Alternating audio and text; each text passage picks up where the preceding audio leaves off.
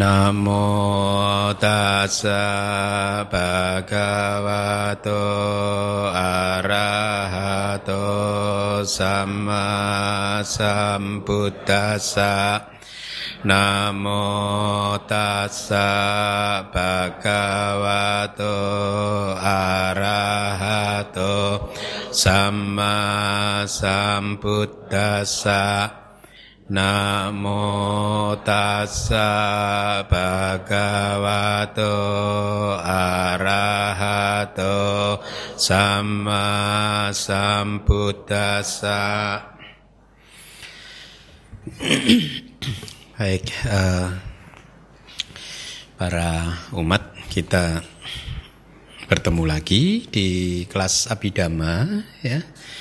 Malam hari ini kita akan masuk ke bagian akhir dari nah, cita ya analisa dari cita atau kesadaran. Saya harap Anda masih ingat bahwa belajar Abidama itu uh,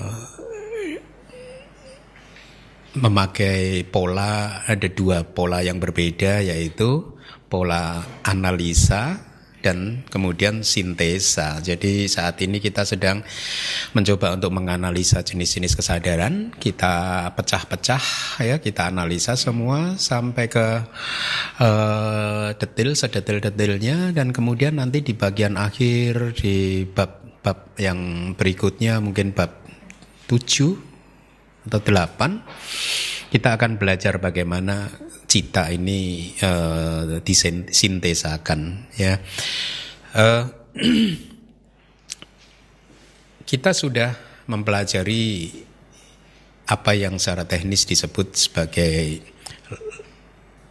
logia cita yaitu kesadaran duniawi. Kenapa disebut sebagai kesadaran duniawi? Anda harus paham disebut sebagai kesadaran duniawi karena kesadaran ini terkait dengan tiga tingkatan alam ya T bumaka itu bahasa palinya. Tiga tingkatan alam yaitu alam yang pertama alam apa? Alam indrawi kan ya. Ada sebelas alam indrawi yaitu empat alam yang rendah apa ya? Kemudian yang kelima alam manusia, kemudian ada enam alam dewa, berarti ada sebelas. Ini tingkatan alam yang pertama, kemudian tingkatan yang di atasnya lagi itu adalah alam materi halus, alam Brahma materi halus, ini alam kehidupan buat mereka yang uh, terlahir di alam Brahma yang masih mempunyai tubuh tetapi sudah sangat halus sekali. Mereka terlahir di alam tersebut sebagai uh, buah dari jana yang mereka kuasai sampai ke detik terakhir di dalam kehidupan mereka sebelumnya. Kemudian tingkatan yang ketiga adalah alam Brahma non materi, yaitu alam makhluk Brahma yang hidup tanpa atau tidak mempunyai tubuh jasmani. Ya, ini tiga tingkatan alam di dalam samsara. Ya, atau kalau di dianalisa lebih detail lagi dari tiga tingkatan alam, kita akan mendapatkan 31 alam kehidupan. Ini adalah 31 alam di mana kita para makhluk yang putu jana ini berputar-putar terus. Ya. Sebenarnya mungkin tidak 31 dari 31 itu ada satu alam yang khusus anagami yaitu alam sudawasa ya. Jadi hanya para anagami saja yang sudah eh, yang yang yang bisa terlahir di sana. Dan anagami yang terlahir di sana kemudian dia parinibbana juga di alam sudawasa. Ada lima alam di sana. Berarti 31 dikurangi 5 ada 26 di mana kita ini berputar-putar di 26 alam tersebut ya. Uh, selama kita masih terlahir lagi di alam-alam ini, maka selama itu pula lah ada penderitaan. Tujuan kita umat Buddha adalah keluar dari alam kehidupan ini, keluar dari samsara, gitu, ya. Nah, semua jenis kesadaran yang sudah kita pelajari disebut sebagai kesadaran duniawi karena terkait terus dengan tiga alam ini. Jadi artinya apa? Kalaupun kita sudah Anda sudah belajar tentang maha kusala cita, kalau dia sebagai satu karma, karma yang baik kan ya, buahnya tetap saja akan membuat Anda juga terlahir lagi di salah satu dari alam-alam tadi. Ya. Jadi perbuatan baik apa pun hanya akan menghasilkan karena ini duniawi logia ya hanya akan menghasilkan atau memperpanjang kehidupan memperpanjang kelahiran dan kematian atau bahkan mungkin Anda mampu menguasai jana rupa wacara jana atau arupa wacara jana kalau jana-jana tersebut berbuah buahnya pun akan membuat Anda terlahir di alam Brahma. Memang benar di alam-alam atas itu banyak kebahagiaan, tetapi karena dia adalah alam yang berkondisi, maka kelahiran di alam tersebut pun mempunyai batas akhir. Ya, kehidupan di sana pun tidak kekal. Ya, segala sesuatu yang tidak kekal, yat pan anicang tang dukang itu kata Buddha. Segala sesuatu yang tidak kekal itu adalah penderitaan. Ini kata-kata Buddha. Ya. Nah, jadi semua kesadaran kusala kalau dia menjadi satu karma yang sudah kita pelajari kusala logia kusala kesadaran kusala yang duniawi ini buahnya ada di samsara akan atau semua perbuatan baik yang sudah kita lakukan selama ini itu hanya akan menambah deposito kita untuk katakanlah terlahir lagi, terlahir lagi, terlahir lagi. Ya, jadi apakah kemudian kita salah kalau kita melakukan karma baik supaya bisa mendapatkan kehidupan atau terlahir di alam yang lebih baik? Tidak salah, tetapi Anda harus ingat bahwa tujuan kita menjadi umat Buddha, tujuan kita untuk berlatih dhamma tidak bertujuan untuk terlahir lagi di mana pun, di surga atau di mana pun tidak. Tujuan kita adalah untuk tidak terlahir lagi. Ya, ini tujuan kita. Nah, saya ingin menyegarkan ingatan Anda. Ada berapa jenis kesadaran duniawi yang sudah kita pelajari? Hmm? 80? Satu ya. Dari semua 81 kesadaran duniawi ini ada berapa kusala cita? Ada berapa kesadaran yang baik? Hmm? Berapa? Belum, belum 21. Yang duniawi. 8 maha kusala, 4 rupa wacara kusala, eh sorry, 5 rupa wacara kusala, dan 4 a rupa wacara kusala. Berarti 8 tambah 9, 17. Ini semua kesadaran kusala, kesadaran baik. Kalau dia menjadi satu karma, ini adalah karma baik. Karma baik muncul dari kesadaran kusala, kesadaran yang baik. Ini yang saya katakan tadi karena dia kesadaran duniawi, maka buahnya pun akan terikat pada tiga tingkatan alam, ya. Nah, berbeda dengan kesadaran duniawi, maka kesadaran yang kita pelajari malam hari ini yang disebut lokutra citang, lokutra, loka utara, loka itu dunia, utara itu melampaui. Jadi ini adalah kesadaran yang melampaui dunia. Atau bisa juga dikatakan ini adalah kesadaran pencerahan. Artinya kalau kita ingin mencapai pencerahan sesungguhnya dalam abidama maka proses pencerahan itu muncul pada saat di dalam arus cita kita muncul kesadaran lokutra ini yang nanti akan saya uraikan ya. Nah, di kesadaran lokutra citang ada secara singkat ada delapan jenis dibagi menjadi dua kelompok yaitu kelompok kusala dan kelompok wipaka ya. Kelompok kusala disebut juga sebagai maga cita atau kesadaran jalan. Kelompok wipaka disebut sebagai pala cita atau kesadaran buah.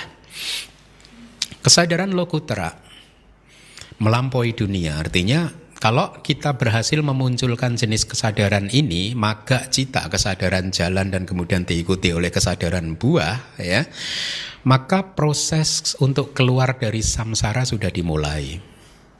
Ya, uh, Loku cita membawa kita keluar dari samsara. Jadi kalau Anda ingin mencapai pencerahan, maka Anda harus berusaha untuk memunculkan kesadaran ini.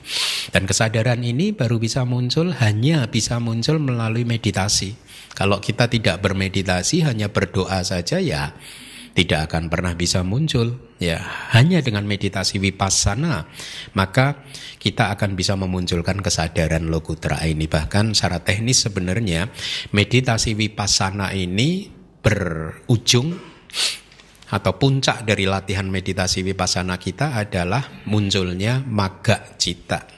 Dan kemudian diikuti oleh pala cita kesadaran jalan dan juga kesadaran uh, buah ya. Nah, Mungkin Anda bertanya, kenapa kesadaran lokutra ini membawa kita keluar dari samsara? Ya, karena menurut uh, teks dari uh, komentar dari kitab Dhammasanggani dikatakan Uh, karena memahami empat kebenaran mulia. Jadi proses pencerahan itu terjadi pada saat kita memahami empat kebenaran mulia melalui pengalaman langsung. Bahasa palinya sebenarnya parijanato. Parijanato, seseorang yang benar-benar memahami secara menyeluruh empat kebenaran mulia. Memahaminya bukan melalui teori. Teori yang Anda pelajari saat ini hanya bermanfaat sebagai map, peta ya yang akan memberi petunjuk kepada Anda ke mana Anda harus berjalan, ke mana Anda harus mencari nibana itu ya. Peta ini sangat penting ya, bukan berarti kemudian karena ini hanya sekedar peta maka Anda tidak perlu belajar. No. Ya, sering kali dikatakan agama Buddha adalah agama praktek bukan agama teori gitu. Jadi mendorong seseorang untuk tidak usah belajar teori gitu. Tapi kalau kita renungkan semua master meditasi di dunia ini, coba sebutkan satu nama master meditasi di dunia ini yang backgroundnya dulu tidak pernah belajar. Anda bisa berikan pada saya. Ada enggak? Tidak ada semuanya pernah menempuh jenjang uh, belajar pariyati seperti yang Anda lakukan sekarang ini. Nah, kembali lagi, loku teracita yang akan kita pelajari, kalau dia muncul maka proses pencerahan terjadi. Ya. Kenapa seseorang mencapai pencerahan? Karena dia memahami empat kebenaran mulia ya secara menyeluruh, secara uh, lengkap ya parijanato. Nah, uh, tadi dikatakan bahwa kesadaran yang duniawi itu uh, yang kusala maksud saya uh, terkait dengan tiga tingkatan uh, uh, alam kehidupan ya artinya semua jenis karma yang Anda lakukan itu hanya menambah kelahiran saja, menambah deposito kelahiran. Semua karma baik yang kita lakukan atau memperpanjang saja kelahiran gitu, menambah kelahiran dan kematian. Jadi uh, dengan munculnya kesadaran lokutra cita itu di kitab uh, komentar dijelaskan seolah seperti misalkan selama kita berbuat karma baik maka kita ini seperti membangun ini hanya perumpamaan saja benteng yang tinggi yang kuat sekali gitu. Yaitu ini hanya satu kiasan tentang kita menambah tinggi kehidupan kita hanya akan membuat kita mati lahir lagi mati lahir lagi mati lahir lagi. Nah benteng yang kita bangun melalui karma-karma baik itu itu semua akan tiba-tiba hancur pada saat kita bermeditasi vipassana dan kemudian mampu memunculkan kesadaran jalan dan kesadaran buah ya. Jadi Lokutra cita meruntuhkan dan menghancurkan proses kematian dan kelahiran yang telah kita kumpulkan melalui karma baik yang uh, duniawi ya.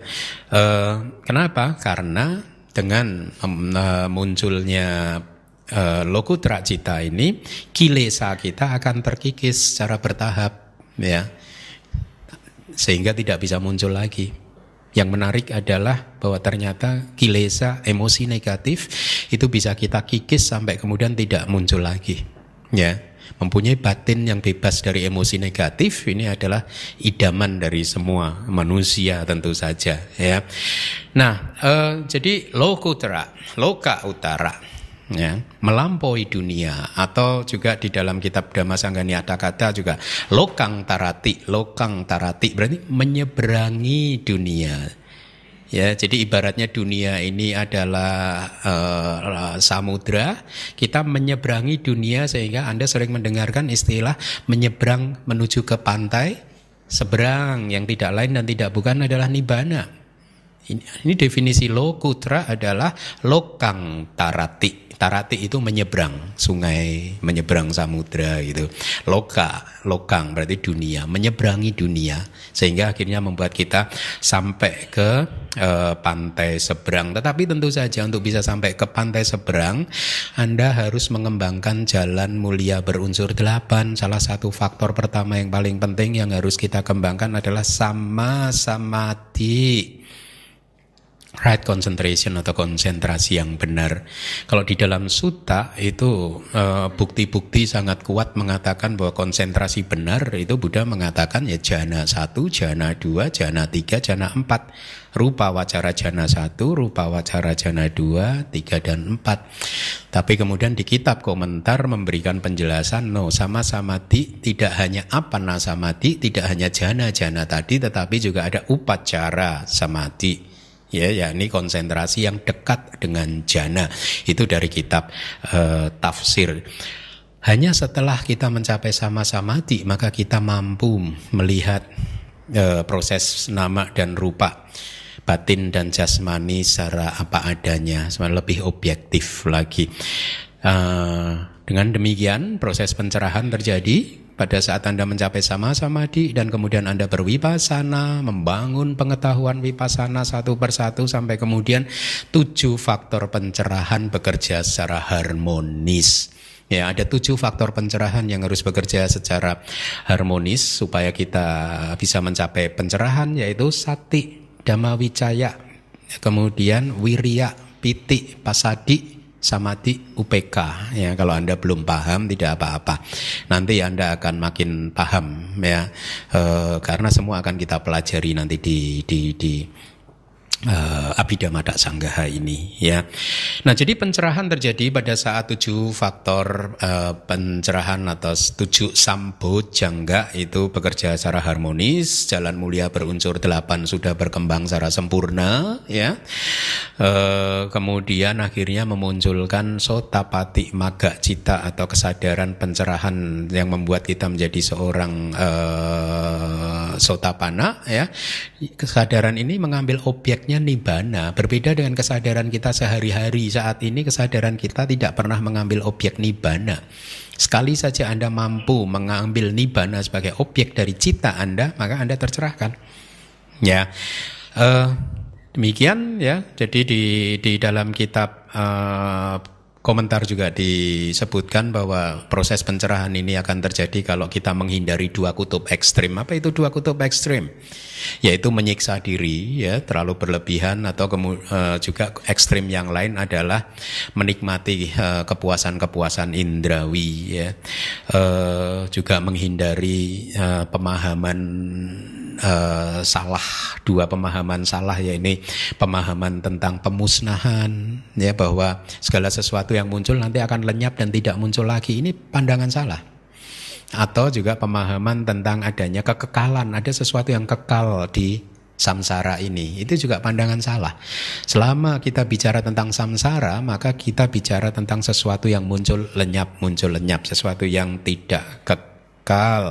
Nah, pencerahan itu kata ininya body. Body itu adalah artinya seseorang yang telah mencapai uh, pencerahan. Itu berasal dari kata kerja bujati, bangun. Seseorang yang sudah terbangunkan sudah bangun. Bangun dari apa? Bangun dari uh, tidur di dalam kekotoran batin yang muncul lenyap di arus kesadaran kita. Itu yang disampaikan di kitab komentar. Kilesa santana nidaya hati atau bangkit dari uh, tidur di rangkaian kesatuan uh, kilesa atau kekotoran batin. Atau seseorang yang mencapai pencerahan itu adalah seseorang yang sudah menembus tadi saya katakan menembus empat kebenaran mulia, Arya Satchani Pati Wijati, menembus empat kebenaran mulia. Hal-hal seperti ini harus saya sampaikan supaya pemahaman Anda tentang dhamma itu kokoh ya. Anda tidak tidak memahami dhamma berdasarkan opini tetapi Anda mempunyai pemahaman yang mempunyai rujukan atau referensi yang yang yang kuat yang sah gitu ya. Arya Satcani Patiwijati menembus empat kebenaran mulia atau Nibanang Saci Karoti merealisasi Nibana inilah pencerahan ya.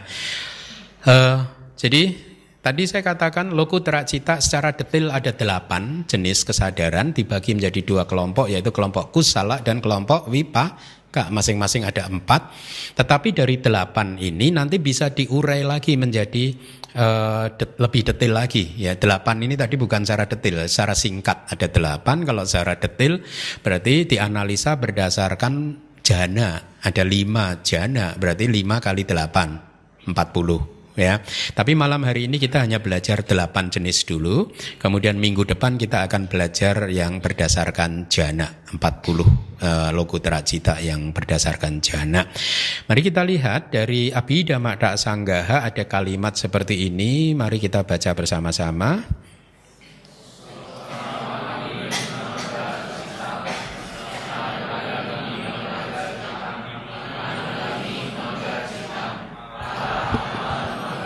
Citang cukup. Ya cukup. Bahasa Indonesianya?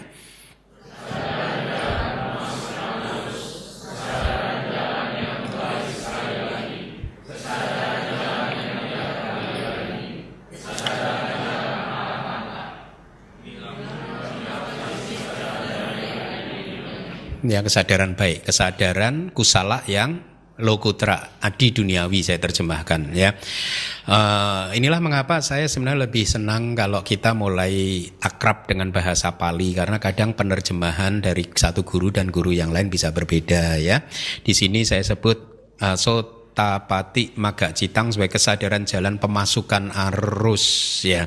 Saya harus membuka kamus besar bahasa Indonesia untuk menemukan kata ini ya.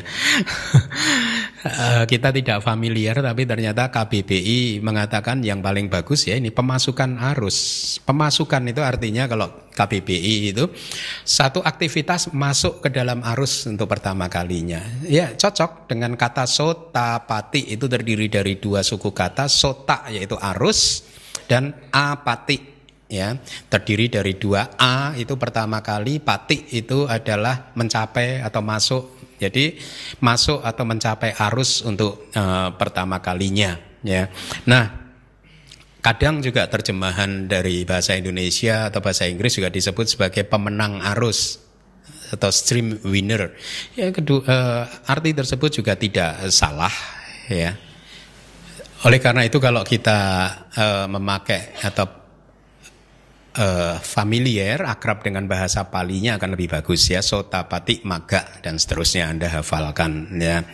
Uh, apa bedanya sota pati dan sota pana kan Anda sering mendengarnya sota pana kan sota pana itu itu adalah kata bendanya seseorang yang telah mencapai arus ya jadi saat ini kita sedang berbicara tentang maga citang, kesadaran jalan. Inilah yang sesungguhnya disebut kesadaran pencerahan. Kesadaran jalan ini pada saat dia muncul, dia melakukan fungsinya. Ingat, setiap kesadaran muncul untuk melakukan fungsi. Apa pun itu jenis kesadarannya, termasuk maga citang atau kesadaran jalan. Fungsi dari maga citang adalah menghancurkan kilesa. Ya, uh, Tadi sudah saya katakan uh, kemunculan dari kesadaran jalan ini uh, sebagai titik akhir dari latihan wipasana kita ya. Uh, kemudian kalau secara nanti di bab 4 Anda akan belajar. Jadi proses pencerahan itu sebenarnya hanya terjadi sangat singkat sekali, hanya tiga momen kesadaran saja, tiga atau empat momen kesadaran maga cita muncul, sotapati maga cita muncul, kemudian begitu dia lenyap langsung diikuti dua momen atau dua saat kesadaran buah sotapati atau tiga saat kesadaran buah sotapati. Ya, pada saat kesadaran buah sotapati ini lenyap maka dia sudah sudah secara penuh disebut sebagai seorang sotapana. Tapi pada saat hanya kesadaran maga atau jalan saja yang muncul dia belum bisa disebut sebagai seorang sotapana. Dia disebut sebagai sotapati maga pugela atau makhluk sotapati jalan. Ya, nanti ada lagi makhluk sotapati buah. Ya, begitu buahnya lenyap, maka dia disebut sebagai seorang sotapana. Itu yang uh, harus juga Anda pahami. Nah, kesadaran jalan ini menyangkut uh, berkaitan dengan empat tingkatan pencerahan. Berarti tingkatan pencerahan yang pertama adalah sota pati, ya menjadi seorang sota pana. Kemudian tingkatan pencerahan kedua adalah menjadi seorang sekadagami. Kemudian yang ketiga adalah anagami dan yang terakhir adalah arahat. Jadi proses pencerahan ini terjadi secara bertahap dan berurutan. Artinya Anda tidak bisa mengatakan hari ini saya jadi sotapana dan besok langsung arahat tanpa melalui sakadagami dan anagami bante. No, prosesnya bertahap. Sotapana, sakadagami, anagami, arahat. Anda masih ingat cerita yang Arya Ananda bagaimana beliau mencapai tingkat kesucian arahat? Besok mau diadakan konsili yang pertama. Hari ini beliau berjuang keras dari seorang mm, sotapana ingin menjadi seorang arahat gitu ya pada saat dia ingin beristirahat meletakkan kepalanya ke tempat tidur proses pencerahan tiga pencerahan, tiga tingkatan pencerahan terjadi secara berurutan mencapai sakadagami, anagami dan kemudian arahat. Ya, bisa terjadi dalam waktu yang sangat singkat sekali, tetapi juga bisa terjadi dalam waktu yang satu kehidupan, dua kehidupan prosesnya. Artinya, anda seseorang mungkin menjadi seorang sotapana di kehidupan saat ini dan kemudian tidak berhasil menjadi seorang sakadagami dan seterusnya sampai akhirnya kemudian dia meninggal dunia sebagai seorang sotapana. Ya. Mari kita lihat apa yang ada di kitab uh, penjelasan dari Wibawini tiganya. Jadi untuk menunjukkan kesadaran adi duniawi yang baik atau lokutra kusala dan buahnya yaitu palak ya, buah itu palak, wipaka itu resultan atau hasil. Beliau atau pengarang buku Abhidhamma Sanggaha membaginya ke dalam empat jalan dan empat buah. Mari kita lihat definisi arus.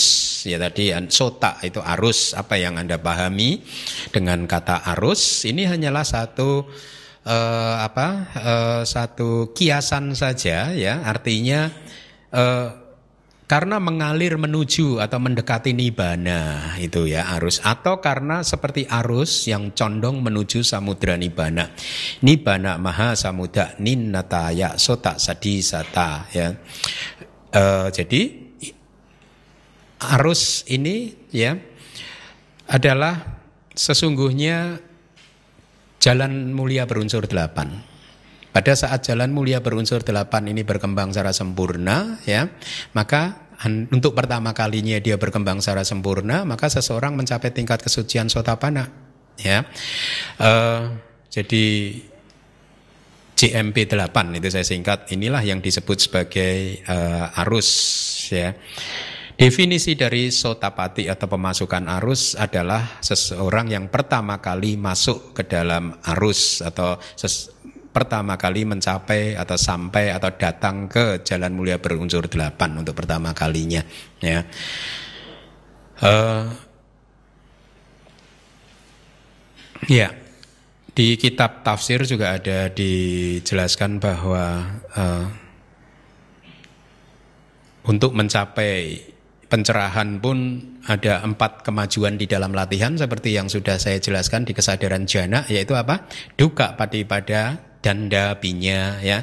Jadi duka pati pada latihannya penuh rasa sakit, penuh duka. Danda binya. Kemudian kemunculan dari maga citanya juga lambat. Ini artinya dia berwipasananya penuh dengan rasa sakit. Dia mungkin uh, seperti yang Anda rasakan pada saat Anda bermeditasi, tubuh Anda sakit semua di sana sini. Kemudian proses untuk muncul maga citanya pun juga lama. Maka ini adalah kemajuan yang disebut secara teknis sebagai duka pada pada dan dabinya. Nanti ada juga yang duka pada pada kipabinya.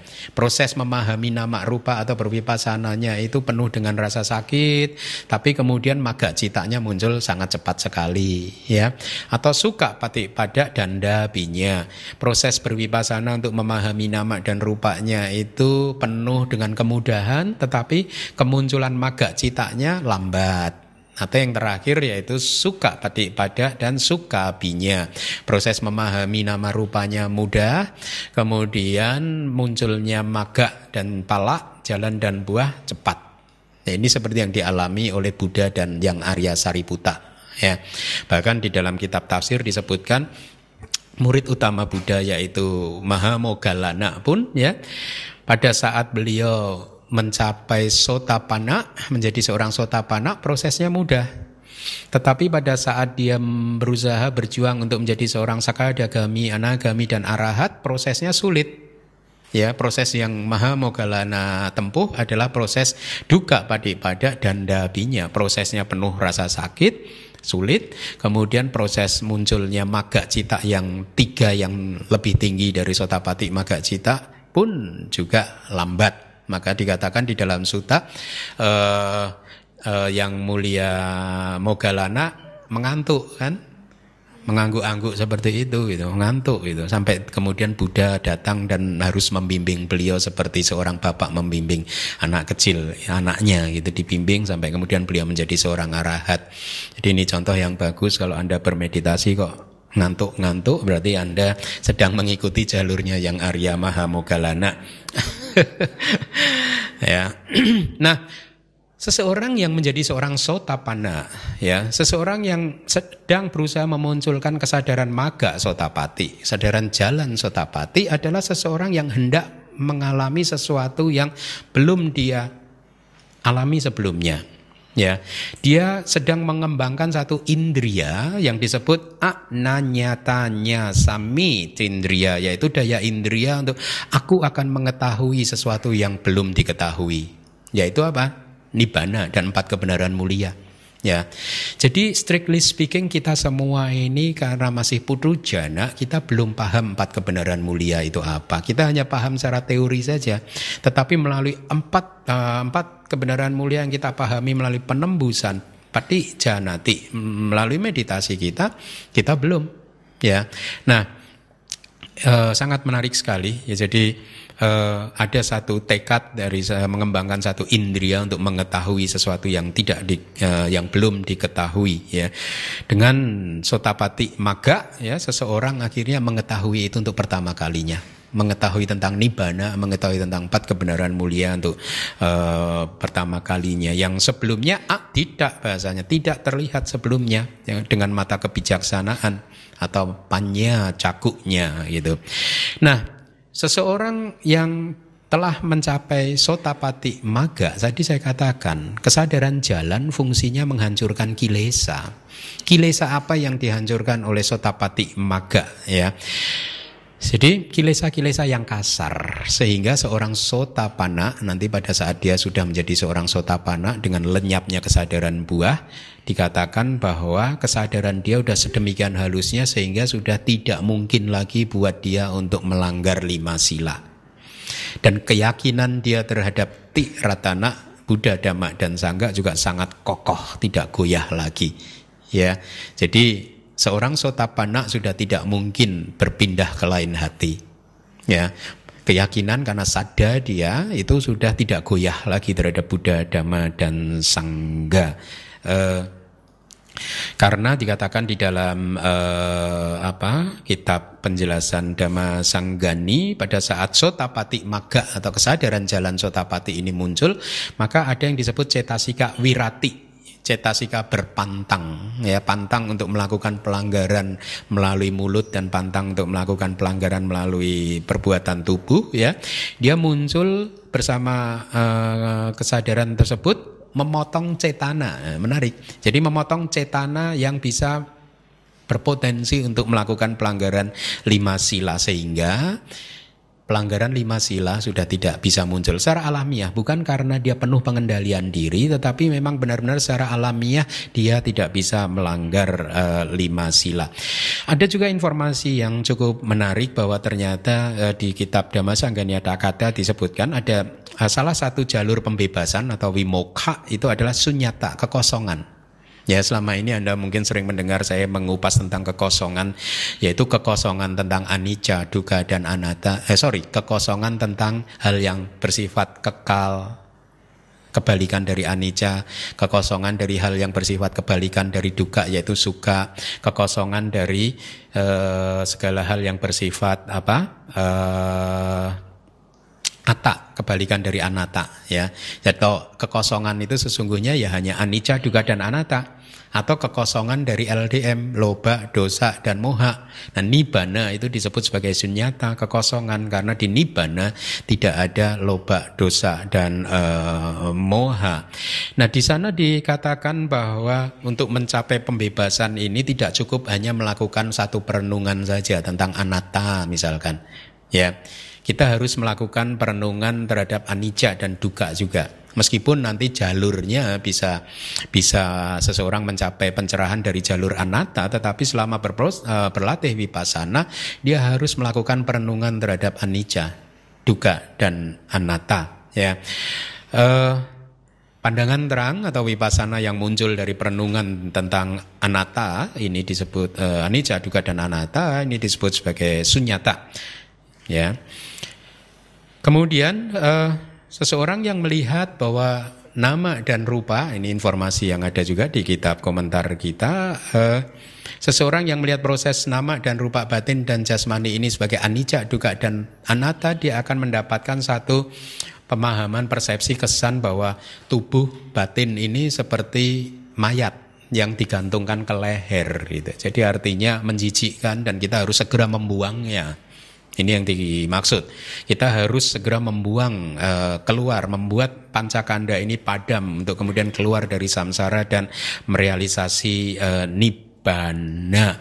Di buku yang lain saya sampaikan juga uh, apa? Di samping apa tadi seorang sotapana tidak bisa melanggar lima sila ya karena dia sudah menghancurkan tiga belenggu ya atau uh, nanti akan saya sampaikan dengan lebih detail lagi. Dia juga sudah menghancurkan Isa dan Macaria. Isa itu apa? Uh, kecemburuan. Ya. Macaria itu kekikiran. Jadi seorang sotapana udah nggak mungkin lagi um, cemburu dan kikir gitu ya. Kemudian juga uh, ada tiga jenis sotapana yang ini bagus juga untuk Anda ketahui. Selama ini mungkin Anda hanya mengetahui sotapana satu macam saja. Dia tidak mungkin lahir lebih dari tujuh kali atau kalimatnya tidak ada kelahiran yang kedelapan. Tetapi sesungguhnya ada tiga jenis sotapana yang Anda pahami secara umum tidak bisa lahir lebih dari tujuh kelahiran itu adalah jenis yang pertama, satu jenis, satu dari tiga jenis yaitu satak katuk parama seseorang yang lahir sebagai manusia atau dewa maksimal tujuh kali kelahiran. Ya, tidak ada kelahiran yang kedelapan buat dia. Jenis yang kedua disebut kolang kola, yaitu seorang yang terlahir di keluarga baik keluarga manusia, keluarga yang baik-baik, dan hanya terlahir dua kali atau tiga kali, dan kemudian dia menjadi seorang arahat. Ya, parinibbana. Kemudian jenis yang ketiga adalah eka biji, ya ini seseorang yang hanya akan terlahir satu kali lagi dan setelah itu dia mencapai arahat. Jadi ini tiga jenis sotapana ya. Mari kita lanjutkan. Definisi jalan atau maga disebut uh, jalan karena menelusuri nibana ya ini definisinya. Atau karena ditelusuri oleh mereka yang mencari nibana ya. Atau karena bergerak atau berjalan dengan membunuh kilesa. Atau ya, dan kesadaran yang berasosiasi dengan jalan disebut sebagai kesadaran jalan atau maga cita. Atau secara singkat jalan itu adalah uh, kesadaran yang menghancurkan kilesa Ya, jadi sekali kesadaran jalan ini muncul, maka kilesa tertentu hancur dan tidak bisa muncul lagi dan kesadaran jalan hanya bisa muncul satu kali saja. Dia tidak bisa muncul untuk kedua kali, ketiga kali. Kenapa? Karena dengan muncul satu kali saja fungsinya sudah selesai. Sudah dia sudah melaksanakan fungsinya dengan baik. Jadi tidak ada lagi yang harus dikerjakan oleh dia sehingga dengan demikian dia tidak perlu muncul lagi, ya. Kesadaran jalan yang diperoleh melalui memasuki arus disebut kesadaran jalan pemasukan arus ya. Uh, ini tingkat pencerahan yang pertama, sotapati maga cita atau pemasukan arus adalah seseorang yang mencapai arus jalan mulia berunsur delapan untuk pertama kalinya. Jalan pemasukan arus atau sotapati maga adalah jalan untuk orang tersebut. Kesadaran yang berasosiasi dengan jalan tersebut disebut sebagai kesadaran jalan pemasukan arus. Jadi ini teknis saja, eh, definisi-definisi teknis yang Anda harus uh, pahami. Jadi kenapa disebut sebagai seorang yang uh, memasuki arus untuk pertama kalinya? Karena memang sesungguhnya dia baru mengembangkan jalan mulia berunsur delapan pada saat itu, sebelumnya belum. ya Sehingga ibaratnya seseorang yang sudah masuk arus, dia sudah pasti akan mencapai nibana ya maksimal tujuh kali kelahiran lagi gitu. Buat seorang sotapana sudah tidak bisa berbalik lagi. Aduh, saya mau jadi putu jana lagi nggak bisa. Ya, jadi kalau seorang uh, yang ingin menjadi seorang bodhisatta satwa kan berarti kan tidak mau masuk nibana dulu kan? Ya enggak tapi begitu dia masuk arus dia udah pasti udah nggak bisa berbalik lagi. Dia pasti akan masuk ke nibana nanti maksimal tujuh kali kelahiran lagi. Nah jadi uh, saya tekankan sekali lagi fungsi dari jalan itu adalah untuk membunuh uh, kilesa ya.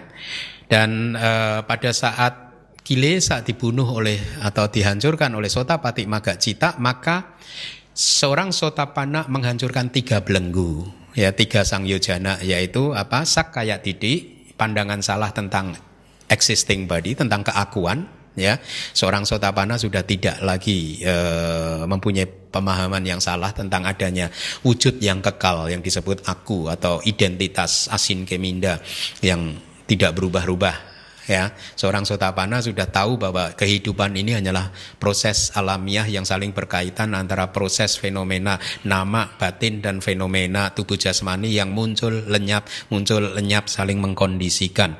Kemudian belenggu kedua yang di, dihancurkan adalah apa Sakaya didik sila batak pramasa yaitu uh, kemelekatan terhadap ritual, kemelekatan terhadap uh, upacara-upacara tertentu. Ya seorang sotapana sudah tidak percaya bahwa upacara, doa, ritual bisa membuat dia menjadi seorang tercerahkan.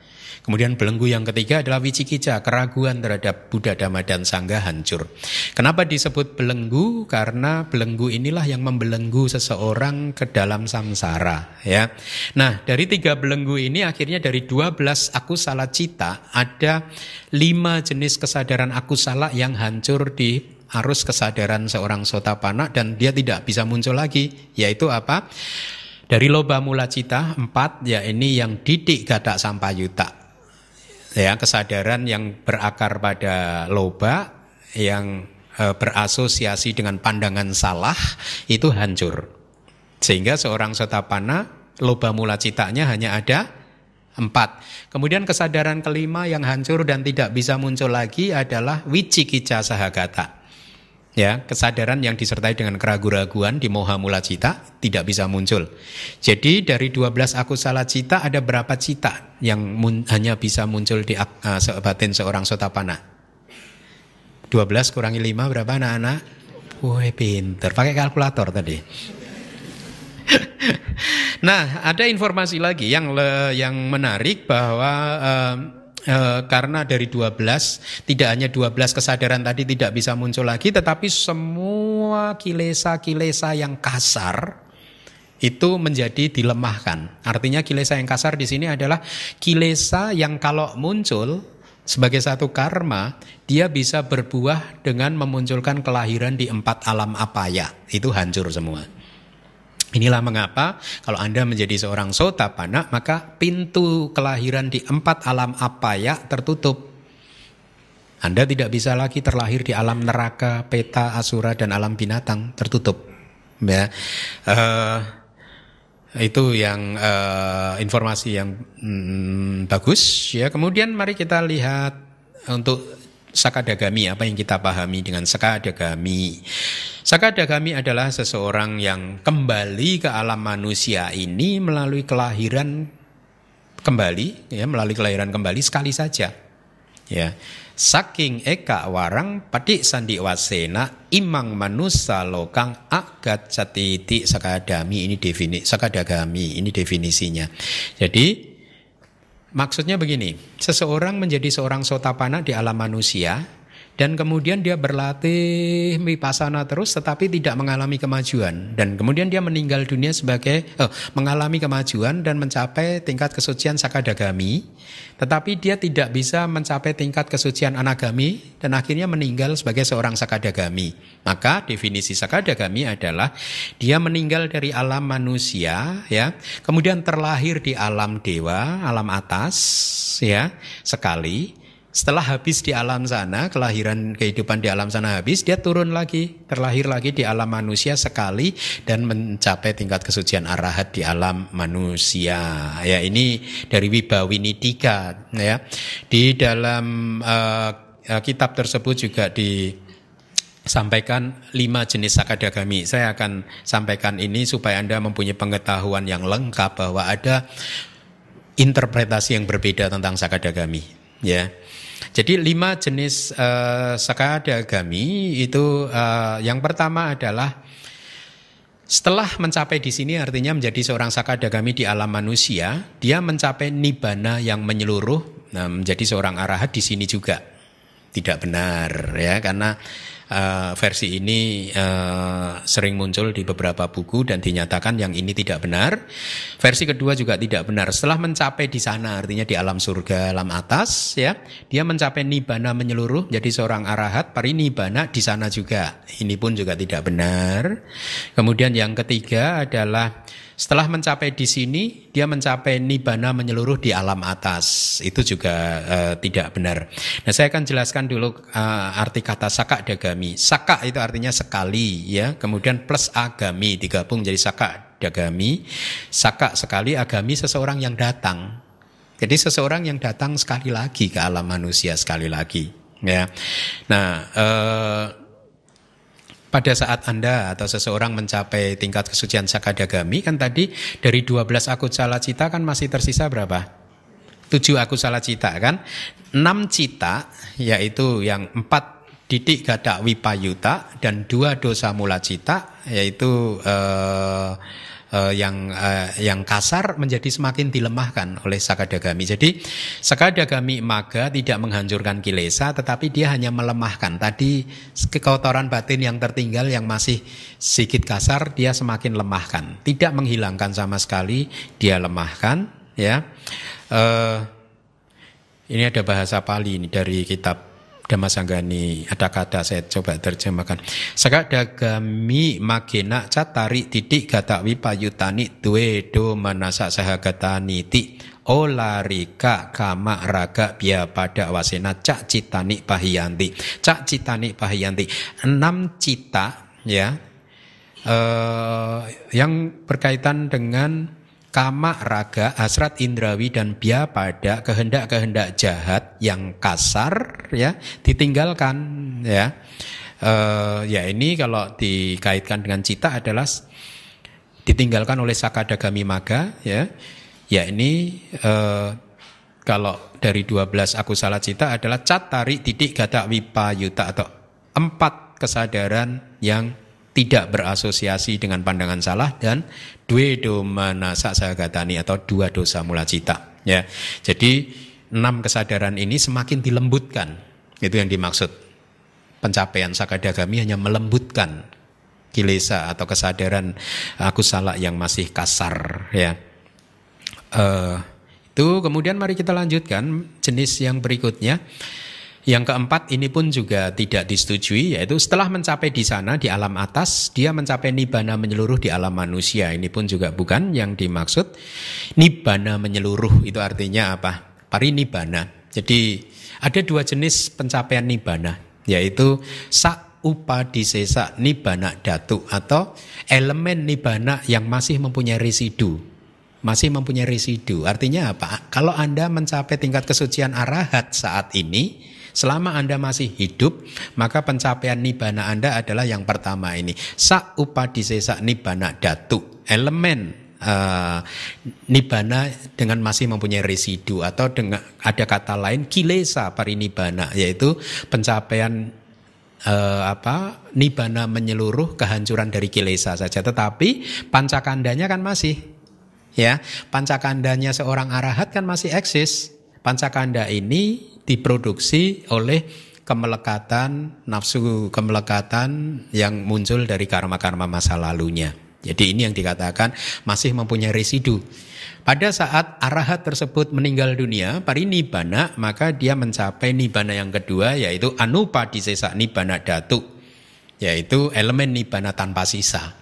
Ya, eh, karena apa? Karena semua agregatnya padam. Buat seorang arahat ini adalah kelahiran yang terakhir. Begitu agregatnya padam, pancakandanya padam, dia tidak terlahir lagi kan? Ya. Uh, ya, ini bagus untuk kita anda ketahui ya. Anupa di sesak nibana datu juga disebut kanda parinibana atau nibana menyeluruh yang berkaitan dengan kanda atau pancakanda ya. Pancakandanya padam semua. Mari kita lanjutkan. Yang kelima jenis sakadagami adalah setelah dia mencapai sakadagami di sini, kemudian meninggal dunia terlahir di alam atas, alam dewa, kemudian dia mencapai nibana menyeluruh di alam manusia lagi. Jadi yang kelima ini yang menurut kitab Wibawinidika dianggap sebagai definisi sakadagami yang benar. Meskipun Lady Sayado seorang master abidama dari Myanmar yang hidup di tahun 1900-an di dalam buku uh, komentar Abhidhamma Sanggahanya menolak dia mengatakan seharusnya kalau melihat dari berbagai referensi seharusnya tidak seperti itu saja. Jadi uh, dia setelah mencapai sakadagami di alam manusia dia bisa lahir di alam Brahma sekali, kemudian dia dia bisa turun lagi entah di alam manusia atau di alam surga untuk mencapai tingkat kesucian arahat di sana. Ini pendapat uh, Lady Sayado ya uh, bagus untuk referensi kita. Ada satu hal yang penting yang yang yang yang tidak kalah menariknya adalah Anda bayang uh, apa? Berarti seorang sakadagami masih mempunyai kelahiran berapa kali lagi? Dua kan? Seorang sotapana kalau yang eka biji dia bisa punya kelahiran satu kali lagi saja. Lebih sedikit ya. Hah? Sakadagami dua, sotapana bisa satu aja loh. Kalau eka biji kan dia menjadi seorang sotapana, dia langsung terlahir lagi dan mencapai tingkat kesucian arahatnya. Ada kan tadi berapa jenis sotapana tadi? Tiga, bagus, bagus, bagus. Ya, mari kita lanjutkan. Jadi, jadi uh, itu perbedaan pendapat antara Lady Sayado dan Acarya Anuruddha. Selanjutnya, jalan sakadagami adalah jalan untuk uh, orang yang mencapai tingkat kesucian sakadagami. Ya, walaupun kesadaran jalan hanya berlangsung selama sesaat saja, satu jentikan jari aja, cepat sekali. Kesadaran jalan, semua cita, semua cita itu lifespan-nya, masa hidupnya itu cepat sekali. Dikatakan dalam kitab tafsir di dalam satu kedipan mata bermiliar-miliar kali muncul hilang. Jadi lifespan-nya hanya satu persekian miliar detik saja.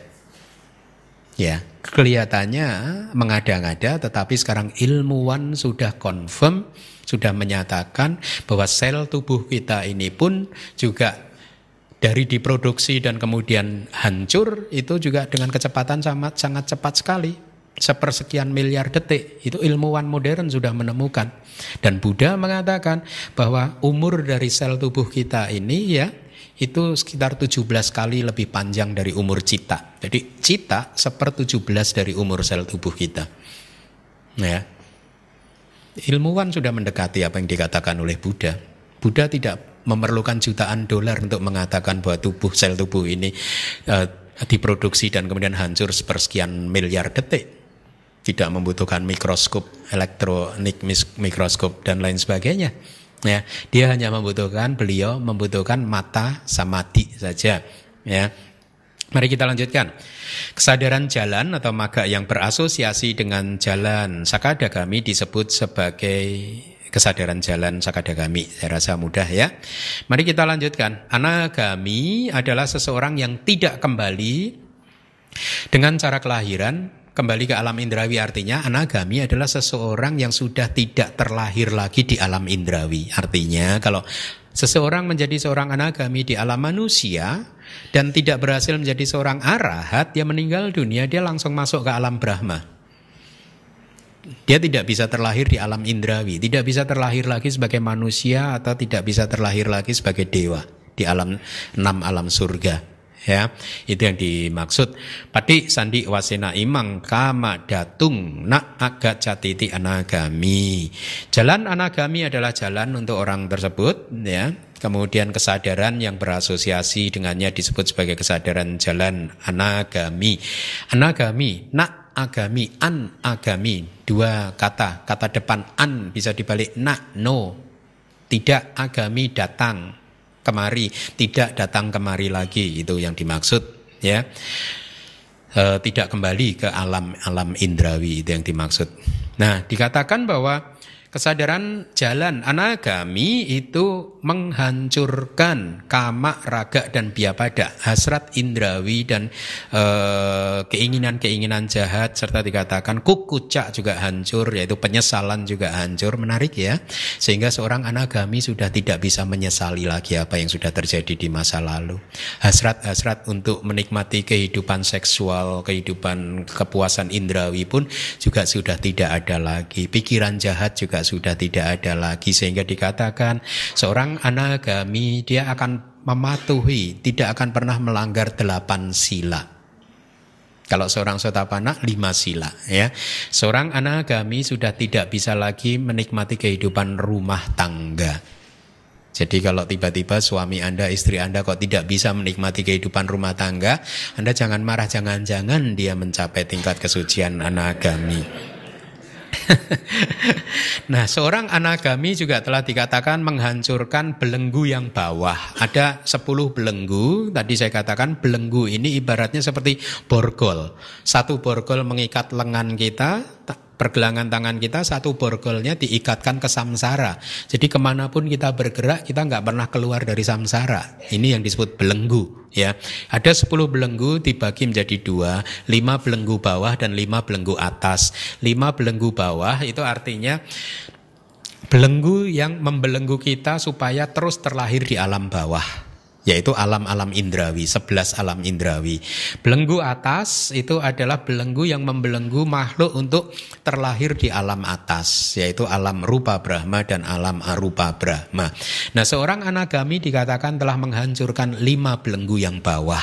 Inilah mengapa seorang anagami sudah tidak bisa lagi terlahir di alam indrawi. Dia akan terlahir di alam rupa Brahma atau arupa Brahma. Ya. Uh, jadi itu lagi ya saya rasa cukup untuk anagami. Kemudian kita lihat untuk araha, arahat, araha itu di kitab Ibawininya adalah seseorang yang layak dihormati, paling pantas dihormati itu seorang arahat. Ya, dia pantas menerima dana Anda. Ya, dia pantas menerima persembahan dari Anda. Saya tidak pantas. Ya, hanya seorang arahat yang pantas untuk menerima persembahan Anda, persembahan yang tertinggi. Aga dakinea bawena puja wisesang arahati ti araha. Yaitu seseorang yang layak dihormati secara istimewa dengan persembahan yang tertinggi. Atau seseorang yang telah menghancurkan musuhnya. Jadi Buddhism hanya berbicara tentang musuh dalam konteks kekotoran batin batin. Kita tidak pernah mempunyai musuh selain kekotoran batin kita sendiri. Orang lain, binatang, makhluk lain tidak pernah menjadi musuh kita. Kilesa ini merupakan jeruji roda samsara. Jadi ibaratnya samsara ini roda, begitu kilesanya hancur, jerujinya, velgnya, kalau mobil Anda velg gitu hancur sehingga rodanya akhirnya nggak bisa berputar lagi. Samsara tidak bisa berputar lagi, tidak ada kelahiran lagi buat seorang arahat, ya. E, atau disebut arahat karena tidak ada rahasia di dalam perbuatan jahat, artinya dia tidak bisa melakukan perbuatan jahat. Seorang arahat sudah tidak bisa melakukan perbuatan jahat, makanya e, apa? E, karena batinnya sudah sedemikian murninya ya disebut araha adalah arahat adalah orang suci yang kedelapan ada delapan makhluk suci Atak Pugela, delapan makhluk suci, yaitu apa? Sotapati Maga Pugela, makhluk suci Sotapati Maga, makhluk suci Sotapati Buah, makhluk suci Sakadagami Maga, makhluk suci Sakadagami Buah dan seterusnya. Arahat adalah orang suci yang kedelapan. Dari 12 akusala tadi dikatakan uh, lima akusala kan sudah akusala, akusala cita kan sudah dihancurkan oleh seorang sotapana ya. Pada saat seseorang menjadi seorang arahat maka sisanya lenyap sama sekali. Ya.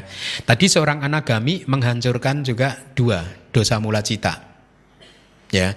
Berarti seorang arahat hanya menghancurkan berapa? Yang tersisa 5 plus 2, 7. 12 dikurangi 7, ada, dua, ada 5, yaitu 4 titik gata wipayuta dan udaca sahagata. Itu yang dihancurkan oleh seorang arahat sehingga seorang arahat di batinnya sudah tidak ada 12 salah cita. Dan pada saat itu batin yang muncul adalah kiriya cita. Ya. Seorang arahat adalah seorang yang kina sawa, sudah menghancurkan noda-noda batin semuanya. Kina jati sudah menghancurkan kelahiran, menghancurkan kehidupan. Wusitang brahmacaryang, kehidupan suci telah dijalani. Katangkaran yang apa yang harus dikerjakan telah dikerjakan oleh dia. Sudah tidak ada lagi yang harus dikerjakan. Ya. Kemudian keadaan seperti tadi itu disebut sebagai arahata. Jadi Anda harus tahu arahata itu adalah keadaan arahat. Hmm, istilah untuk buah yang keempat Jalan yang merupakan kedatangan ke keadaan tersebut disebut sebagai jalan arahata atau arahata, arahata maga ya ini definisi teknis. Cita atau kesadaran yang berasosiasi dengannya disebut sebagai kesadaran jalan arahat. Nah, saya akan sampaikan dari Dhamma Sangganiata kata ya. Ada kalimat sotapati mago ceta apaya bawato wudati. Jalan sotapati bangkit dari kelahiran di alam apaya. Artinya dengan memunculkan kesadaran sotapati maga cita, maka pintu apaya tertutup bangkit keluar dari apaya artinya sudah tidak bisa lagi terlahir di dalam empat alam apaya yaitu neraka peta asura dan binatang kemudian eh, Jalan Sakadagami bangkit dari satu bagian kelahiran di alam indrawi yang sugati ya. Alam indrawi sugati itu happy destination ya, yaitu alam manusia dan enam alam surga. Artinya eh, bangkit dari kelahiran yang terlalu memuja hawa nafsu untuk menikmati kepuasan-kepuasan in, uh, indria ya. Kemudian jalan anagami uh, bangkit dari kelahiran di alam indrawi ya. Jadi ini sama dengan kitab Wibawinidika. Kemudian jalan arahat tak bangkit dari kelahiran di alam rupa dan arupa juga dari semua kelahiran arahata mako rupa arupa bawato sabak bawe hipi wuddati ya jadi bangkit dari semua alam dia sudah tidak terlahir lagi dia merealisasi uh, nibbana ya. Masih dari kitab Dhamma Sanggani karena saya rasa ini informasi ini bagus. Maka saya sampaikan, dikarenakan penghentian dari kesadaran api sangkara atau formasi kama ya, oleh pengetahuan jalan sotapati, sotapati maga nyana, maka semua nama rupa yang berpotensi untuk muncul di siklus samsara tanpa awal ini, kecuali hanya tujuh kelahiran saja, lenyap dan tenang. Jadi ini untuk pemahaman Anda.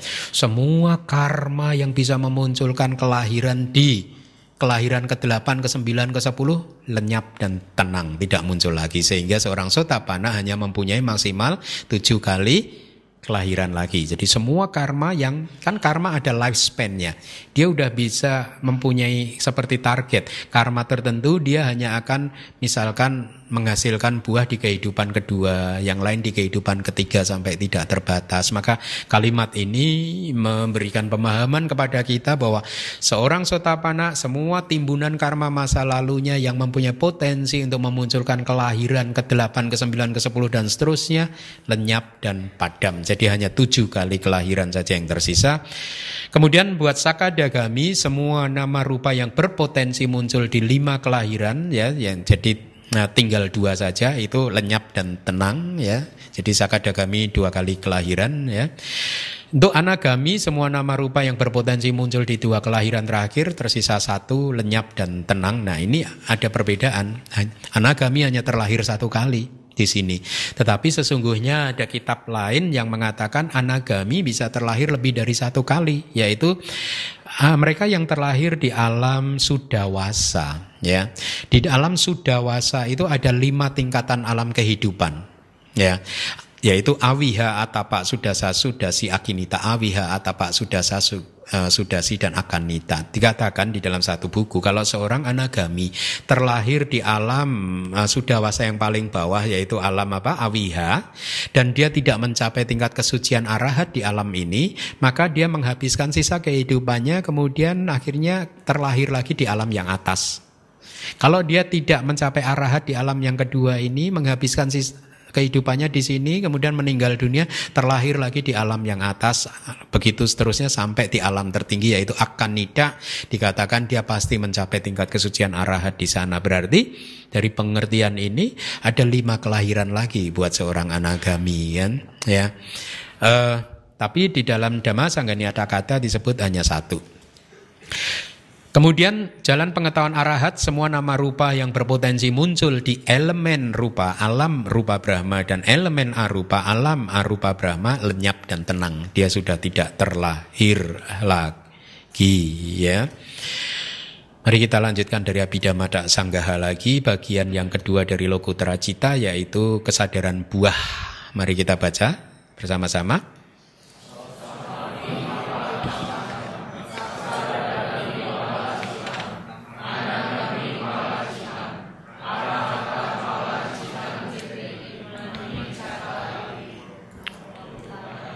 Cukup. Cukup. Bahasa Indonesianya?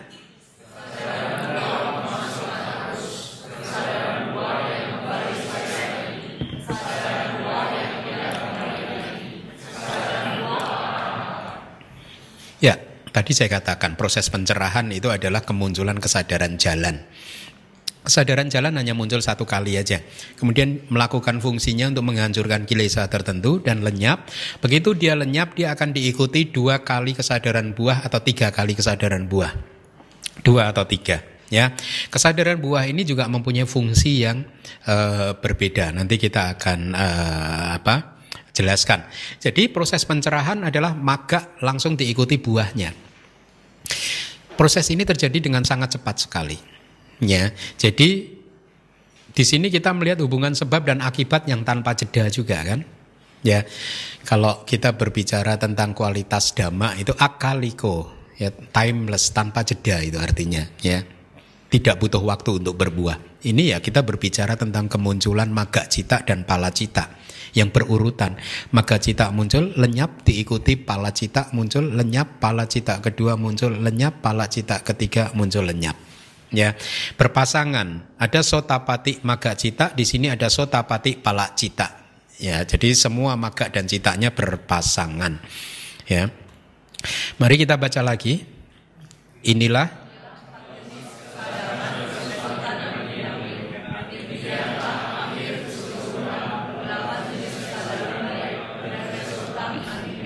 Anda lihat nih Sultan, Wipaka. Kalau yang tadi kesadaran kusala atau kesadaran baik ya. Baik usala dan wipaka atau buah dan jalan. Mari kita lihat penjelasan dari Wibawinidikanya. Kesadaran yang merupakan hasil yang diperoleh melalui sotapati atau kesadaran buah sotapati adalah kesadaran buah sotapati ya. Jadi ini hanyalah hasil hasil dari maga cita ya. Jadi untuk sakadagami buah atau pala anagami pala arahat pala juga dipahami dengan cara yang sama. Jadi kesadaran yang merupakan hasil yang diperoleh oleh sotapati maga ya dan sakadagami maga, anagami maga dan arahata maga dan seterusnya.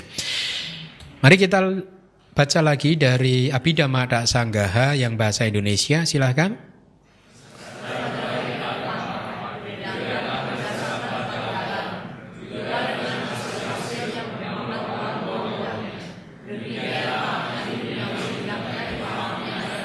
Ya, mudah ya untuk kita pahami. Kemudian kita lihat dari Wibawini. Tiganya dibedakan berdasarkan empat jalan. Tadi ada kalimat seperti itu ya. Penjelasannya adalah dikarenakan perbedaan kemampuan yang berasal dari perbedaan daya-daya indria yaitu ada daya indria sotapana tidak mahir, sakadagami mahir, anagami menjadi lebih mahir lagi dan arahat itu menjadi yang paling mahir. Jadi tadi seperti yang sudah saya katakan proses pencerahan itu adalah proses untuk memahami empat kebenaran mulia kan ya Seorang sotapana, sakadagami, anagami, dan arahat sebenarnya melakukan proses yang sama yaitu memahami empat kebenaran mulia. Hanya saja seorang sotapana memahami empat kebenaran mulia dikatakan di sini tidak mahir. Kalau dia ingin menjadi seorang sakadagami, dia harus memahami lagi empat kebenaran mulia. Jadi dikatakan mahir. Kalau dia ingin menjadi seorang anagami, maka dia memahami lagi, menembus lagi empat kebenaran mulia, menjadi lebih mahir. Kalau dia ingin menjadi seorang arahat, dia menembus lagi empat kebenaran mulia yang sama menjadi paling mahir. Ya, maka penghancuran dari karena kemampuan yang berbeda tersebut, maka penghancuran belenggu atau sang yojana pun juga juga berlangsung secara bertahap ya. Jadi uh, seorang uh, sotapana dia telah menghancurkan tadi sakaya didik ya. Jadi dari loba mula cita yang hancur berapa? Empat yang berasosiasi dengan pandangan salah yaitu pandangan salah tentang apa 62 pandangan salah ya kita udah belajar di kelas pariyati dan juga sakaya didik yaitu pandangan salah tentang keakuan jadi tadi juga sudah saya katakan sota pati maga juga melemahkan juga kilesa-kilesa yang kasar yang bisa membuat dia terlahir di apaya. Nah, jadi seorang sota pana dikatakan di dalam teks adalah seseorang yang menikmati sam uh, samanya palang yaitu buah dari pertapaan untuk pertama kalinya. Jadi kalau kita berbicara tentang buah dari pertapaan menjadi seorang pertapa, menjadi seorang biku, buahnya yaitu mencapai tingkat kesucian sota pana. Ya, uh, kita lihat di slide bahwa penghancuran dari sang yojana atau belenggu pun berlangsung secara bertahap. Apa yang dihancurkan oleh seorang sotapana? Meninggalkan tanpa sisa keyakinan tentang aku atau sakaya didik, keraguan, wicikica dan kemelekatan kepada upacara dan juga uh, ritual ya. Jadi ini uh, seorang sotapana belenggu ini hancur. Kemudian kalau dia menjadi seorang sakadagami maka belenggu apa yang dihancurkan? Tidak menghancurkan belenggu apa pun tetapi hasrat indrawi dan kehendak jahat menjadi lemah ya. Uh, karena alasan seperti ini dikatakan di dalam kitab komentar itu ada guru di masa lalu yang mengatakan seorang sakadagami itu masih mempunyai hasrat indrawi dan juga apa kehendak jahat yang kuat. Jadi kalau muncul dia kuat sekali, meledak sangat kuat tetapi jarang sekali munculnya gitu dikatakan. Tapi dijawab oleh para uh, guru ada kata, guru tafsir, guru uh, kitab komentar dijawab no no no, tidak seperti itu. Seseorang yang mencapai tingkat kesucian sakadagami maka kilesanya itu kategorinya dua hal ini. Pariutana mandataya. Pariutana mandataya jadi kemunculannya lemah, lemah. Kalau adicupatia tadi jarang-jarang munculnya. Ya, jarang muncul Kalaupun muncul, kemunculannya lemah. Artinya kalau seorang putu jana begitu dia marah, maka kemarahannya bisa bertahan selama seminggu dua minggu. Seorang sekali agami kemarahannya hanya berlangsung sesaat saja. Dia marah dan tidak tidak sampai melotot melotot, kemudian lenyap lagi ya itu yang dimaksud jadi adicupatia kemunculannya yang jarang dan pariudana mandata ya kemunculannya lemah ya uh, Ya, tidak sempat membuat stres ya, gelap mata, nggak bisa tidur kayak Anda. ya, uh, mari kita lanjutkan. Dari Wibawini 3. Seorang anagami akan meninggalkan mereka yaitu kama raga, hasrat indrawi dan kehendak jahat tanpa sisa ya. Tadi sudah disampaikan, meninggalkan tanpa sisa hasrat untuk terlahir di alam rupa Brahma, arupa Brahma, kesombongan, kegelisahan dan ketidaktahuan. Ini yang disebut lima belenggu atas ya. E, hancur oleh pencapaian arahat Ya. Kemudian hasil atau resultan yang merupakan buah dari kesadaran baik juga dibedakan menjadi empat. Tadi sudah anda baca ya. Uh, Jadi ada berapa jenis kesadaran adi duniawi? Secara singkat, delapan dibagi menjadi berapa? Berapa kelompok? Dua yaitu kesadaran maga atau kusala, kesadaran pala atau wipaka ya ya. Uh, jadi tadi saya katakan ini di kitab Dhamma Sanggani ada kata, sering dikatakan, kalau seseorang mencapai sotapana, dia akan menembus empat kebenaran mulia, ya, untuk pertama kalinya. Kemudian pada saat dia mencapai tingkat kesucian yang lebih tinggi, maka dia menembus hal yang berbeda, kan sering dipahami begitu. Tadi sudah saya sampaikan tidak, dia tidak menembus hal yang berbeda, dia menembus hal yang sama ya yaitu empat kebenaran mulia yang sama hanya saja lebih lengkap lagi gitu.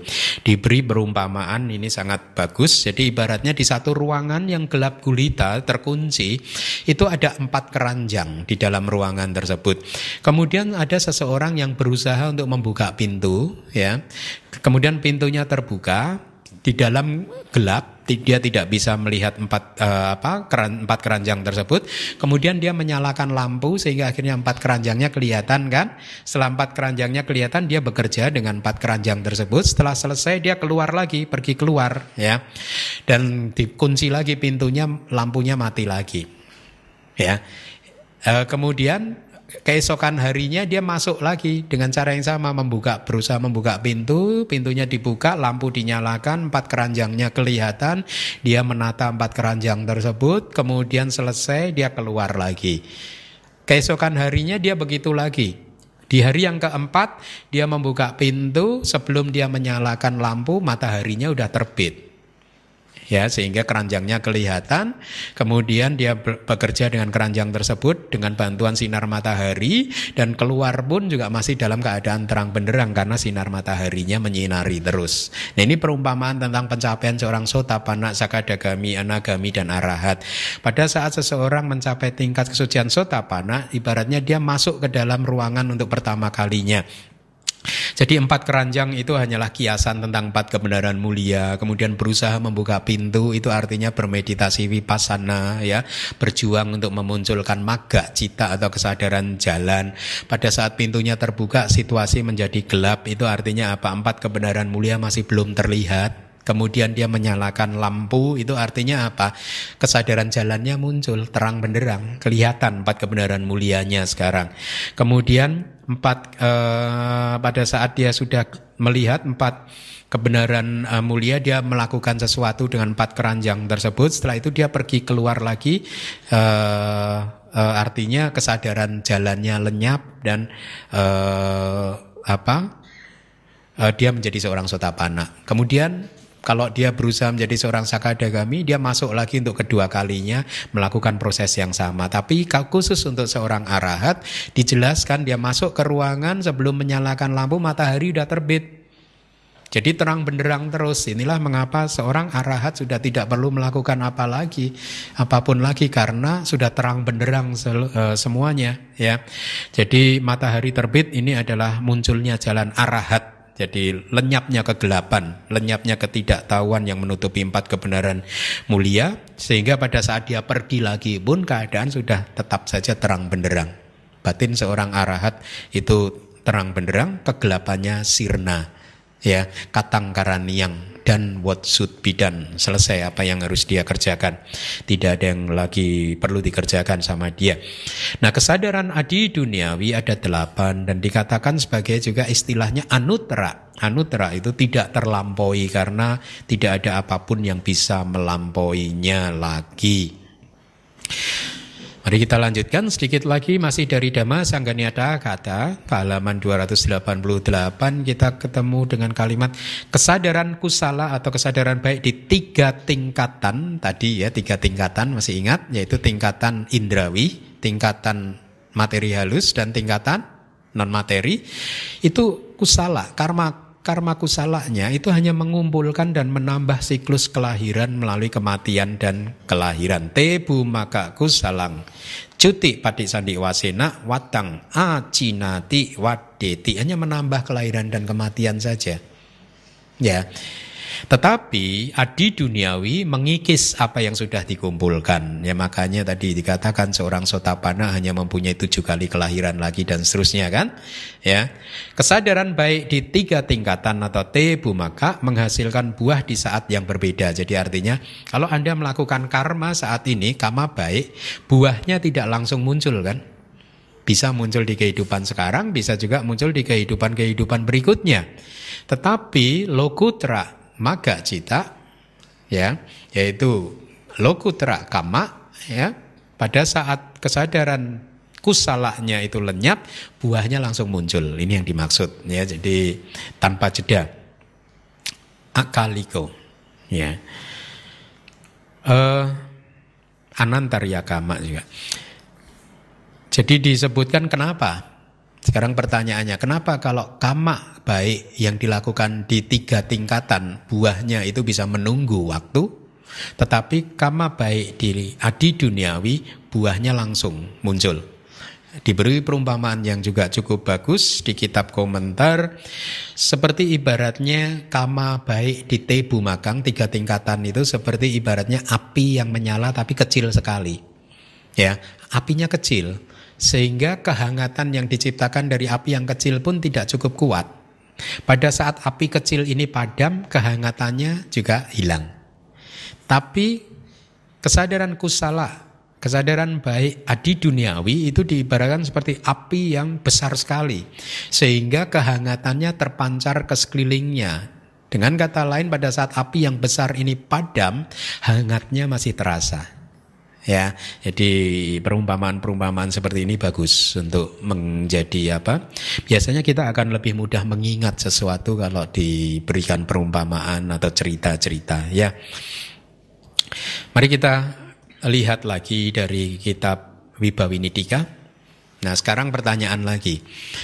Kenapa di kesadaran adi duniawi hanya ada kusala dan wipaka tetapi tidak ada kirya seperti di kesadaran lingkup indrawi ada maha kusala, ada maha wipaka dan ada maha kirya. Ya, kenapa hal ini tidak terjadi di kesadaran adi duniawi? Jawabannya adalah karena kesadaran fungsional dari tak terlampaui anutra itu tidak eksis ya maka kesadaran ini tidak bisa dikatakan sebagai 12 ya hanya maka hanya dari 8 maksudnya. Tapi kenapa tidak eksis? Penjelasannya adalah dikarenakan kesadaran jalan hanya eksis selama satu saat saja satu momen saja. Eka citakana dan dia melakukan fungsinya untuk menghancurkan kilesa dan setelah itu fungsinya selesai ya tidak ada lagi fungsi yang harus dikerjakan lagi maka dia tidak perlu muncul lagi ya Apabila kesadaran ini muncul lagi dan lagi maka akan disebut sebagai kiriya, tetapi tidak. Kejadiannya tidak seperti itu. Seperti misalkan maha kusala. Maha kusala bisa muncul lagi dan muncul lagi, muncul lagi kan. Anda berdana bisa lagi, lagi, lagi gitu. Makanya akhirnya ada, ada kiriaknya juga ya. Maha kiriak. Tetapi kesadaran kusala adi duniawi tidak seperti itu. Dia cukup muncul sekali lagi. Sekali saja ya.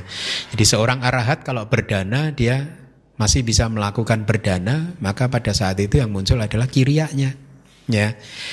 Jadi itu uh, kemudian Alasan yang kedua adalah karena kesadaran ini didapat melalui penghancuran kilesa secara total dan kilesa tersebut yang sudah dihancurkan tidak bisa muncul lagi hanya dengan uh, cukup dengan sekali kemunculannya. Jadi tidak perlu muncul untuk kedua kali atau ketiga kalinya ya.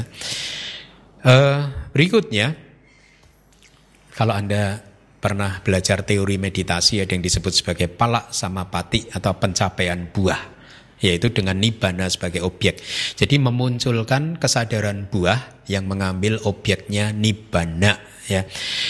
Palak sama pati ini dipakai oleh seorang atau makhluk suci untuk menikmati dita dhamma suka wihara, untuk menikmati kebahagiaan nibana di sini dan saat ini, atau untuk hidup bahagia saat ini. Jadi seorang makhluk suci kalau dia ingin menikmati nibana di kehidupan kali ini, dia akan memunculkan kesadaran buah, bukan kesadaran maga.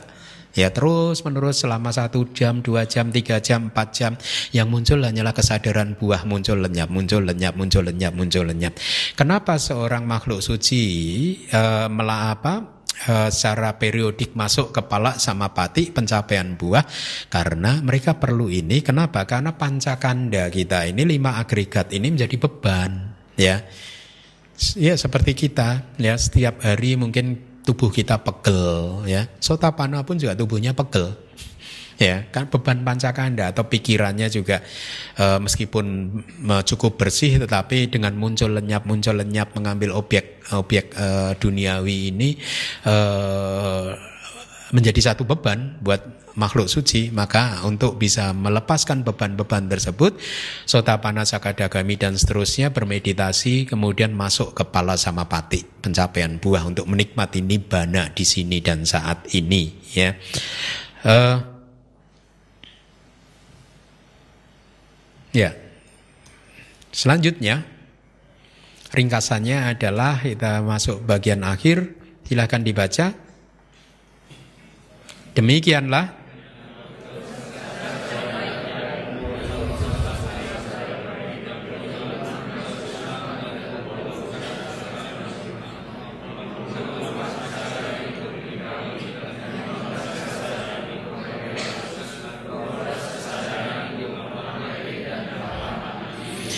Ya, ini hanya latihan aja ya. Ada berapa jenis kesadaran aku salah? 12. Ada berapa jenis kesadaran kusala? Kebalikannya untuk mempermudah. Aku salah 12 berarti kusala 2 1. ya, ada berapa jenis kesadaran resultan? 36. Anda saya harap bisa mencarinya 36 itu di mana saja, kemudian fungsional ada 20 itu di mana saja dan seterusnya ya. Anda latih terus supaya Anda hafal. Kenapa saya mendorong Anda untuk menghafalkan hal-hal seperti ini? Tujuannya adalah supaya Anda nanti akan menjadi lebih mudah untuk mengikuti pelajaran di bab-bab berikutnya ya. Tolong dihafalkan. Selanjutnya eh, lihat dari Wibawinitika ada klasifikasi berdasarkan jenis kusala, akusala, wipaka, dan kiria. Itu yang tadi jumlahnya ya. Kalau diklasifikasikan berdasarkan jenis. Kemudian Anda juga harus bisa mengklasifikasikan kesadaran 89 kesadaran berdasarkan lingkup kemunculannya atau bumi yaitu ada berapa kama wacara cita? 54. Ada berapa rupa wacara cita? Hah? Ada? 15. Arupa wacara cita? 12. Lokutra Cita secara singkat ada 8. Yang detail kita belum belajar. Minggu depan kita belajar. Kesadaran yang termasuk di alam indrawi dan lain-lain, yang termasuk di dalam lingkup nafsu indrawi dan lain-lain, walaupun mereka juga muncul di alam lain disebut sebagai kesadaran lingkup indrawi atau kama wacara cita. Definisi ini sudah kita jelaskan di kelas sebelumnya ya. Berarti rupa wacara cita adalah kesadaran yang biasanya muncul di alam rupa Brahma walaupun juga bisa muncul di alam manusia. Itu yang harus dipahami. Jenis kesadaran yang eksis dalam satu kelompok sembilan dhamma. Nah, ini ada istilah sembilan dhamma. Apa saja? Delapan lokutra cita itu delapan dhamma plus satu dhamma yaitu nip nibbana. Jadi sembilan dhamma adi duniawi atau nawa wida lokutra dhamma dan tidak termasuk di kelompok kama wacara, rupa wacara dan arupa wacara disebut sebagai kesadaran yang tidak tertandingi anuttara bahasa palinya karena tidak ada kesadaran lain yang lebih tinggi dari ini. Sudah tidak ada lagi. Jadi kita sudah belajar semua jenis kesadaran yang berada di dalam samsara. Di luar 89 atau 121 minggu depan kita urai secara detail sudah tidak ada lagi kesadaran. Dan yang tertinggi adalah lokutra cita. Itu yang dimaksud. Saya lat, uh, mari kita latihan lagi dari 89 kesadaran ada berapa jenis kesadaran logia atau duniawi? Hmm? 80 satu yang lokutra Delapan. Ya, baik. Bagus. Nah, ini slide terakhir ini bagus untuk Anda pelajari di rumah. Jadi maksudnya cara membacanya kesadaran jalan saya masih memakai istilah lama itu harusnya pemasukan arus ya itu menghancurkan lima jenis cita yaitu didik sampayuta dan wicikica cita kemudian kilesa yang dihancurkan adalah didik atau pandangan salah dan wicikica itu adalah keraguan-raguan serta melemahkan kilesa yang kasar yang bisa menyebabkan kelahiran di empat alam yang apa ya atau empat alam tanpa kebahagiaan. Kemudian belenggu yang dihancurkan oleh Sotapati Maga adalah sakaya didik, yaitu pandangan salah tentang keakuan, identitas diri, wicikica sang yojana atau belenggu tentang keraguan-raguan dan sila batak paramasa yaitu kemelekatan terhadap upacara dan ritual. Ya, tingkat pencerahan yang kedua, cara membacanya, sekadagami, kesadaran yang hancur apa? Tidak ada, tetapi dilemahkan. Sisanya dilemahkan. Kilesa yang dihancurkan apa? Tidak ada, tetapi semuanya dilemahkan lagi oleh sakadagami. Belenggu yang dihancurkan apa? Juga tidak ada, yang ada hanya pelemahan saja. Anagami, kesadaran yang hancur adalah loba mula yang berkaitan dengan hasrat indrawi. Ada nafsu yang berkaitan dengan nafsu untuk terlahir di alam Brahma materi halus rupa Brahma dan nafsu untuk terlahir di alam arupa Brahma masih tapi belum dihancurkan oleh anagami ya. Jadi hanya loba mula yang berkaitan dengan hasrat-hasrat indrawi serta dosa mula cita hancur. Jadi seorang anagami sudah tidak bisa marah lagi. Seorang sotapana masih bisa marah. Selamat. Berarti jangan-jangan Anda sotapana nih. Kan Anda masih bisa marah kan? Sering Bante. Kilesa yang dihancurkan belenggu jadi cara membacanya seperti itu ya. Baik, jadi dengan demikian maka selesailah kelas kita malam hari ini. Terima kasih.